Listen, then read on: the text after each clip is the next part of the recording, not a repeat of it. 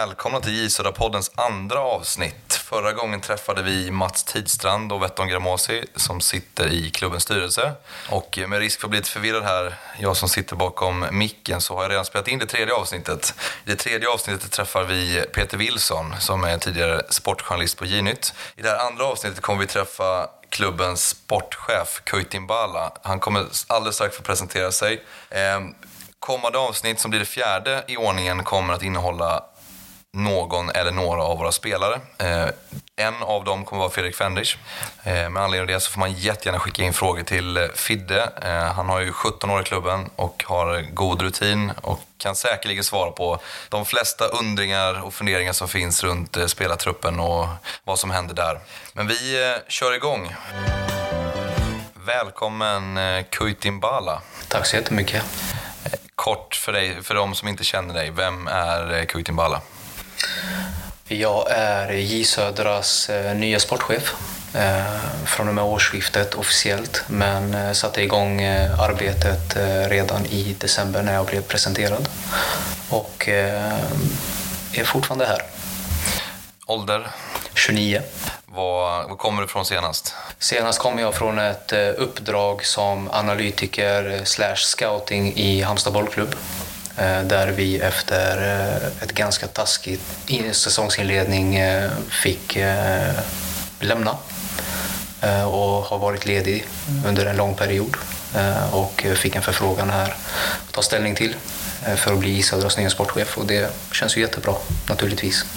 Ja, vi två har ju hunnit lära känna varandra lite grann under, under två, tre månader här. Eh, vi tänker att vi, vi ska göra en liten, ett litet avslöjande här idag som lite tar oss in bakom bakom kulisserna på hur det är att vara sportchef. Så eh, alldeles strax kommer en eh, Jönköping Södras nya, eller senaste nyförvärv. Vi får se lite, vi har en presentation av spelaren imorgon. Eh, och förhoppningsvis kommer vi släppa den här podden i samband med att vi presenterar spelaren. Men det, vi tar det bakom kulissen lite och ser hur det fungerar dagen, dagen dagarna innan en, en spelarförvärv blir klart.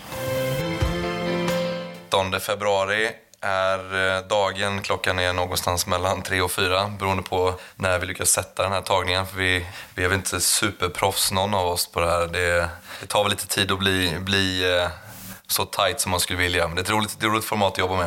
Eh, anledningen till att jag nämner tiden är för att eh, om ungefär ett dygn så kommer vi presentera vårt eh, nästa nyförvärv till Jönköping Södra. Marcus Degerlund. Eh, Kuytin, beskriv eh, Marcus som spelare. För det första vill jag börja med att säga att eh, det är otroligt kul att vi kan få hit en Marcus Degerlund. Vi har eh, visat ett eh, konkret intresse väldigt länge. Vi har haft en process med Hammarby som har eh, blivit väldigt bra. Eh, Om vi går in på Marcus och beskriver spelaren Marcus Degerlund lite grann så är en spelare som trots sin ålder har en väldigt stor erfarenhet med sig när han kommer till Jönköping, eh, där han har spelat både allsvensk och superettan-fotboll. Eh, han är en väldigt duktig vänsterfotad mittback. Eh, lång och stabil i sitt huvudspel, vilket vi känner kommer ge oss en extra dimension i det spelet som vi vill stå för. Eh, så det känns ju naturligtvis jättekul. Mm. Det här är väl en av de sämst bevarade hemligheterna i, i Jönköpingsfotbollen, att vi är intresserade och det är därför det känns extra kul att kunna sitta här och, och känna att det är klart. Eh, det som händer nu, vi har en, en läkarundersökning imorgon klockan sex. Sen, eh, sen är det att få alla papper påskrivna och presentera Marcus för lokalmedia. Eh, förhoppningsvis släpper vi det här avsnittet, ungefär i samma veva som det är så vi kan, kan vara först på den här bollen. Eh, efter det så, så blir mitt och ditt arbete att se till att han blir spelklar till söndag, eller? Yes. Så vi, vi lov, lovar redan nu att eh, Brännström har eh, Marcus tillgänglig till på söndag. Ja, som sagt, eh, vi ska göra vårt bästa men jag tror inte det ska vara några problem. Nej, jag vill bara egentligen lite ta, ta folk igenom processen med, med att värva en spelare. Vi har, vi har väl följt det här i media i kanske två veckors tid eh, och sen kommer, det, kommer man till, till avslut så är det ändå en hel del arbete kvar att göra. Men eh, fantastiskt roligt att kunna presentera Marcus. Eh, vi eh, är naturligtvis glada att han, att han kommer hit. Eh, nu när han är klar, kan vi, stänger vi böckerna eller hur? Kan det fortfarande hända saker i, runt truppen?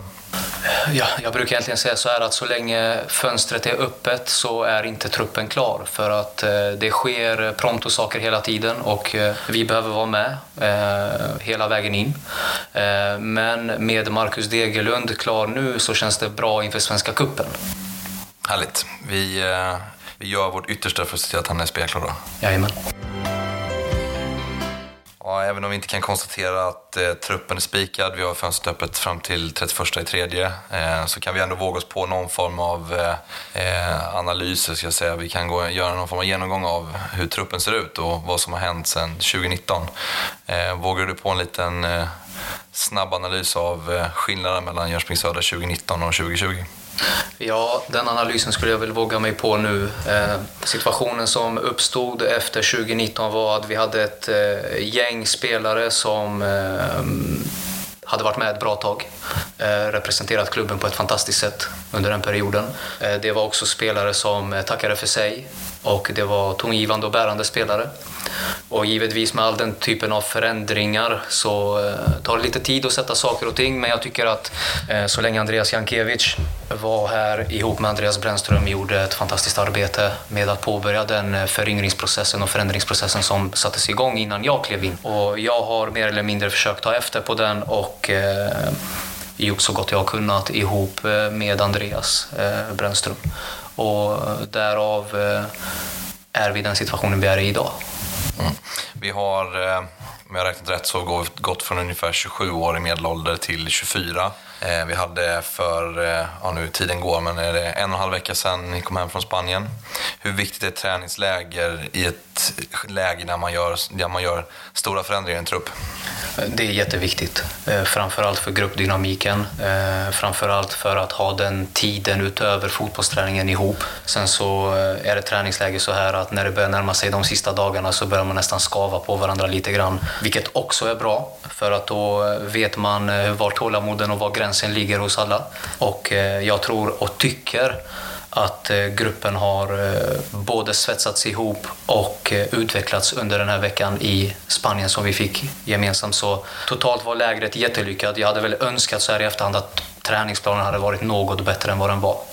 Eh, hemkomna så passar vi på att möta Malmö FF i lördags 20.00. Vi spelade igår, eh, tisdag, 19.00 mot IFK Norrköping. Två tuffa bortamatcher. På söndag väntar AIK i cupen. Nio, det vill säga åtta dagar, tre matcher, tre ja, topp fem-lag i Sverige. Varför möter man dem så tätt? Det finns ju en tanke bakom det upplägget och det är naturligtvis så här att eh, vi kommer stöta på liknande situationer i Superettan 2020 där vi har ett eh, tight tajt matchande för att spelschemat ser ut som det gör. Och eh, med tanke på så många nya spelare eh, som vi har inne. Eh, för gruppens skull och för deras bästa förberedelse inför säsongen så passar detta utmärkt med att möta så bra och kvalificerat motstånd redan nu så här tidigt för att ta med sig den erfarenheten in i seriespel. Mm. Om man Titta på de matcher som har varit, två förluster. Eh, vad kan vi ta med oss eh, från matcherna? Det är inte bara, alltså mitt, framförallt under en försäsong så är inte resultaten kanske det viktigaste, men eh, har vi någonting vi kan eh, ta med oss som är positivt? Absolut. Jag tycker vi kan ta med oss hur eh, gruppen reagerar när man släpper in mål.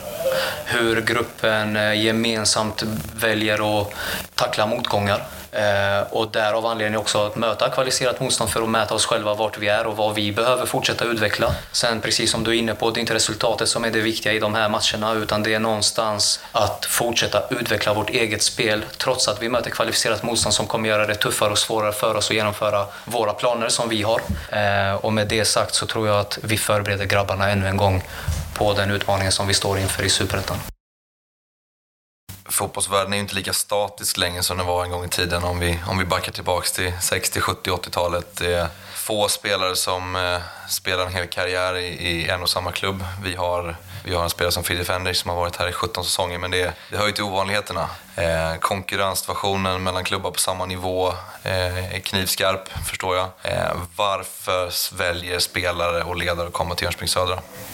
Jag tror det är många faktorer som gör att spelare väljer att komma till Jönköping Södra. Eh, dels så har vi eh, förutsättningar som är eh, väldigt bra för att fortsätta utvecklas i sin karriär. Vi kan stå för den typen av plattform som vi erbjuder i form av faciliteter och eh, kompetenta ledare. Och eh, framförallt så har väl vi också någon typ av historik i den här föreningen där vi är väldigt duktiga på att sälja spelare som eh, utvecklas på ett korrekt sätt. Och det ihop tror jag att vi gör oss själva till väldigt konkurrenskraftiga där ute. Om vi tittar på eh, Odensberg som träningsanläggning, är det, är det någonting som vi kan lyfta fram som, som positivt och unikt? Absolut, det tycker jag. För att vara en superettan-förening så har vi eh, en otrolig fördel i våra faciliteter. Vi ska vara stolta över det och vi ska också samtidigt använda det på ett maximalt sätt. Det är lätt att säga att man har förutsättningarna men man använder inte dem. Utan nu finns möjligheterna för de här grabbarna att både träna den mängden de vill och utveckla sig själva. Härligt. Jag har varit anställd i klubben i tio år. Man har varit en hel del på Odensberg. Det blir, jag säger, det blir oftare och oftare som, som eh, man åker upp dit. Oftast i jobbet naturligtvis, men jag, jag brukar faktiskt även åka upp dit på helgerna med familjen. Eh, bara en liten kort utläggning om det. Eh, när vi kommer igång i träningssäsong, så en normal vecka så, så tränar vi på Odensberg eh, fem pass i veckan. Vi tränar vid halv elva och jag egentligen bara gör en liten, en liten uppmaning till de som lyssnar och våra, våra medlemmar och supportrar att åka upp till Odensberg. För det är, jag tror inte det finns någon bättre miljö i Jönköping. Alltså jag älskar att vara där uppe och jag hade blivit väldigt glad om det var fler som kom upp och, och tog del av det. Alltså miljön där uppe. Passa på när det är träning eller åka upp och, och gå en promenad en helg. Det är en helt underbar miljö. Ja, jag kan bara instämma i det egentligen. Det är när, framförallt när solen lyser Eh, och man eh, får eh, en blick ut över hela Jönköpings stad där uppifrån. Och som fotbollsspelare, trots att jag inte är det längre, så tror jag att man uppskattar den typen av miljö när det handlar om att kunna ha fullt fokus på rätt sak. Men samtidigt också kunna slappna av mentalt och förbereda sig på bästa sätt inför en träning. Så det, det är ju naturligtvis en fördel vi har som vi ska utnyttja till max. Mm. Jag tror också att det uppskattas av spelare och ledare om, det, om man kommer upp och tittar på träning. Det är ju inte stängda på något sätt. Nej, naturligtvis. Sen är det väl självklart att när det börjar närma sig mot slutet av veckan, när vi börjar köra mer taktiska upplägg, då, då är det väl kanske våra fans och våra medlemmar som är välkomna, men vem som helst kan inte traska in där, för då, då kommer jag bli fly förbannad. ja, det är bra. Vi ska undvika... Är det en shout-out till JP Unit att undvika att komma upp i slutet av veckorna? Nej men härligt. Odensberg är en fantastisk tillgång för föreningen och jag kan bara passa på att tacka. Vi har, vi har ju ett fantastiskt gäng, eh, ja det, vi får väl säga äldre, äldre herrar. De, de är väl något äldre än vad du och jag är. Som verkligen vårdar, vårdar eh, anläggningen och lägger ner sin själ i, i, den. Och utan dem så hade vi inte haft den. Så jag, man får, kan inte nog tacka dem som eh, ser till att vi kan ha den här fantastiska träningsanläggningen. Absolut det är ju få saker i det här jobbet som jag gillar lika, lika mycket som att sälja årskort. Ehm, jag har, jag har ju lite historik, jag har varit med i tio år och jag kan konstatera att vi, vi säljer fler årskort nu än vi gjorde för sju, åtta år sedan. Och vi vill naturligtvis att den här trenden ska fortsätta. Vi vill sälja så många årskort som möjligt. Vi vill att så många som möjligt ska gå och kolla på Jönköping Södra. Vi vill självklart skapa en anknytning till alla, eh, så många människor som möjligt i Jönköping. Men eh, för att vi ska få folk att köpa årskort så måste vi naturligtvis berätta varför. Varför ska man se Jönköping Södra på Stadsparksvallen 2020? Eh, jag tycker att man ska komma och kolla på oss eh, säsongen 2020 för att vi har en otroligt spännande trupp. Det är som sagt ett eh, förändringsarbete som har pågått. Eh, vi har fått in eh, duktiga eh, unga grabbar som tillsammans med det gamla gardet kommer stå för en attraktiv och fin fotboll att kolla på. Sen är det naturligtvis en helhet vi säljer och en upplevelse och där Stadsparksvallen är en väldigt viktig del i det. En, en kväll kvällsmatch på Stadsparksvallen är jättemysigt att komma och kolla på, självklart. Jag, jag hoppas ju att vi kan eh, Eh, framförallt fylla ståplats. Jag ligger väl mig eh, speciellt varmt om hjärtat som, som gammal ståplatsåskådare själv. Eh, jag vet att eh, om vi pratar stämning, eh, man ska försöka se det objektivt, så vågar jag nog hävda att eh, ståplats Jönköping Södra Green Machine står ja, vi är topp tre i Superettan i alla fall. Jag vet att vi har eh, spelare som eh, tycker att det är väldigt viktigt. Jag vet att vi har andra eh, åskådare som tycker det är roligt att det är, att det är bra stämning. Men jag tror att det påverkar eh, spelare i valet av klubb. Eh, hur, hur mycket uppskattar man att man har ett stöd, stöd från publiken? Ja, det är naturligtvis en jätteviktig faktor innan man fattar sina beslut som fotbollsspelare när man väljer klubb. Har man en möjlighet att spela i en klubb med stor publik så har man nog med det i sin totala beräkning. Eh, och med det sagt så brukar vi också i den rekryteringsprocessen som vi gör med spelare. Berätta för dem eh, vilken stämning vi har på våra matcher. Där Green Machine är otroligt familjära trots att de har höga krav och de pushar alltid grabbarna på rätt sätt. Mm. Jag passar på, passar på att eh, skicka en positiv passning till Green Machine igen. Jag, det, det, jag kan inte göra det nog många gånger, men jag, någonting som jag vill skicka med som jag vet är något som, som diskuteras i supporterkretsar är det just det här faktumet att våga ta steget. Är du, är du söderit, du vill stå på ståplats, vill eh, vara med i en gemenskap, ta chansen. Det finns absolut ingenting som hindrar dig från att gå ner till Tweeds innan en match. Eh, jag lovar, det, det, eh, de killarna och tjejerna där, de, de eh, alltså de tycker verkligen om att det kommer nytt folk och eh, som eh, Alltså man ska gå till sig själv och, och, den gemenskap man har funnit i idrotten. Så det, det är svårslaget. Alltså det, det, är inte bara fotboll, det är, det är kompiskap och, och allt runt omkring också. Så det, eh, har ni, har ni rättat på, hjärtat på rätta stället så säger jag åk ner till Tweeds och gå in och ta en kaffe eller en öl och, och snacka lite skit. För jag tror, att, eh, jag tror att man blir förvånad över hur välkomnande den miljön är. Det är ju det är bråda dagar för oss, för oss båda så vi kommer hålla den här podden förhållandevis kort. Eh, jag kan inte undvika att komma in på frågeställningen avslutningsvis då. Allsvenskan 2022. Det är ett lite längre mål, eh, men det är, det är ett skarpt mål. Var, eh, var står vi i den processen känner du som sportchef?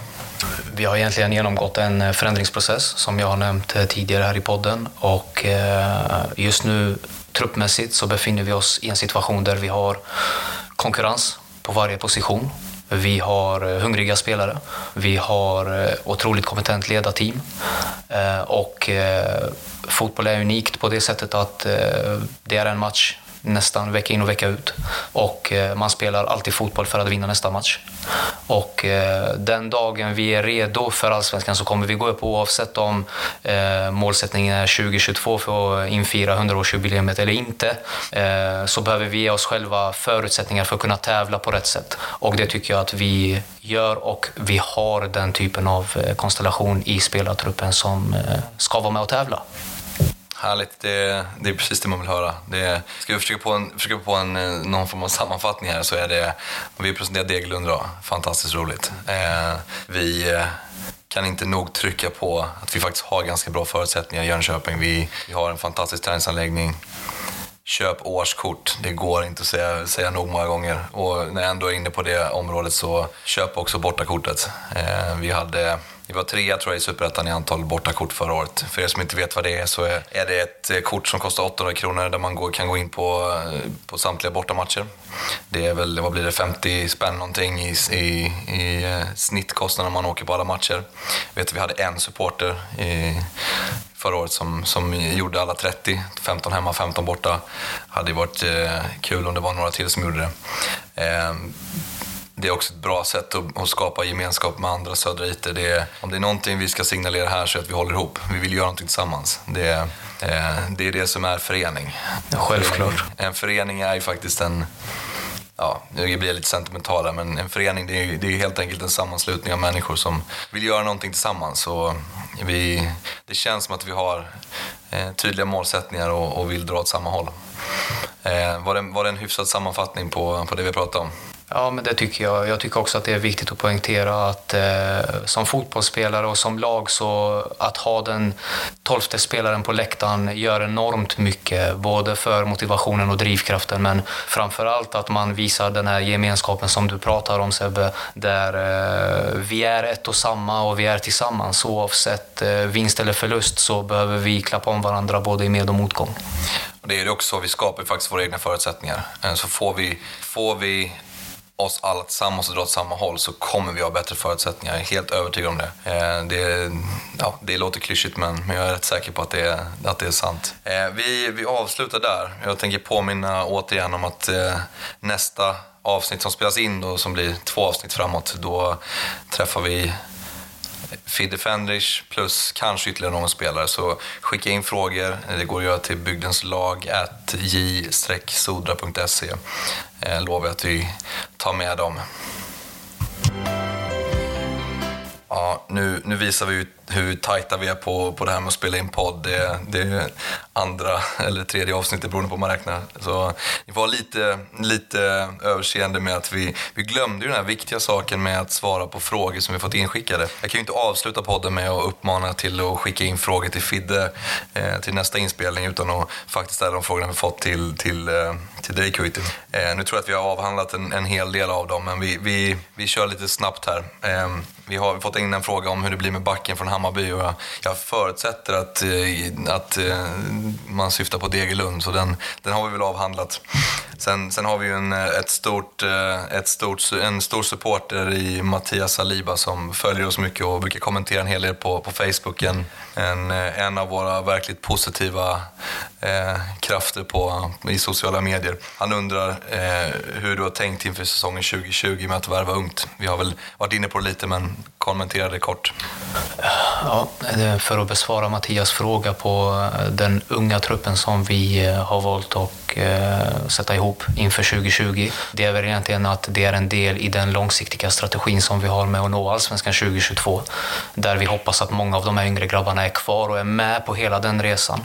Det betyder att de kommer utvecklas och bli bättre fotbollsspelare tills den dagen vi är ett allsvenskt lag och förhoppningsvis är de så pass bra så att de till och med är med när vi tar det steget. Så därav eh, den föryngringsprocessen som har skett. Mm.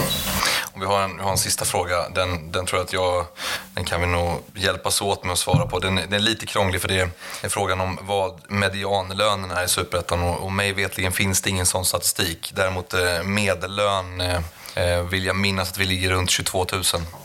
Jag tror att om man ska jämföra med allsvenskan så ligger den på strax över 100, 105 någonstans där. Det är, det är ganska stor skillnad på, på allsvenskan och superettan. Eh, men eh, det får, bli, får nöja dig med det som svar, för medianlönen har jag inte koll på.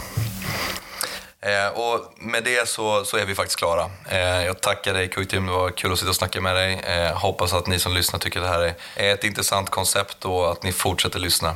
Eh, nästa avsnitt då alltså Peter Wilson. Eh, jag hade ett bra snack med honom, en, en timme ungefär, så det, det tror jag kan bli intressant att lyssna på. Vi eh, hörs eh, i kommande poddavsnitt.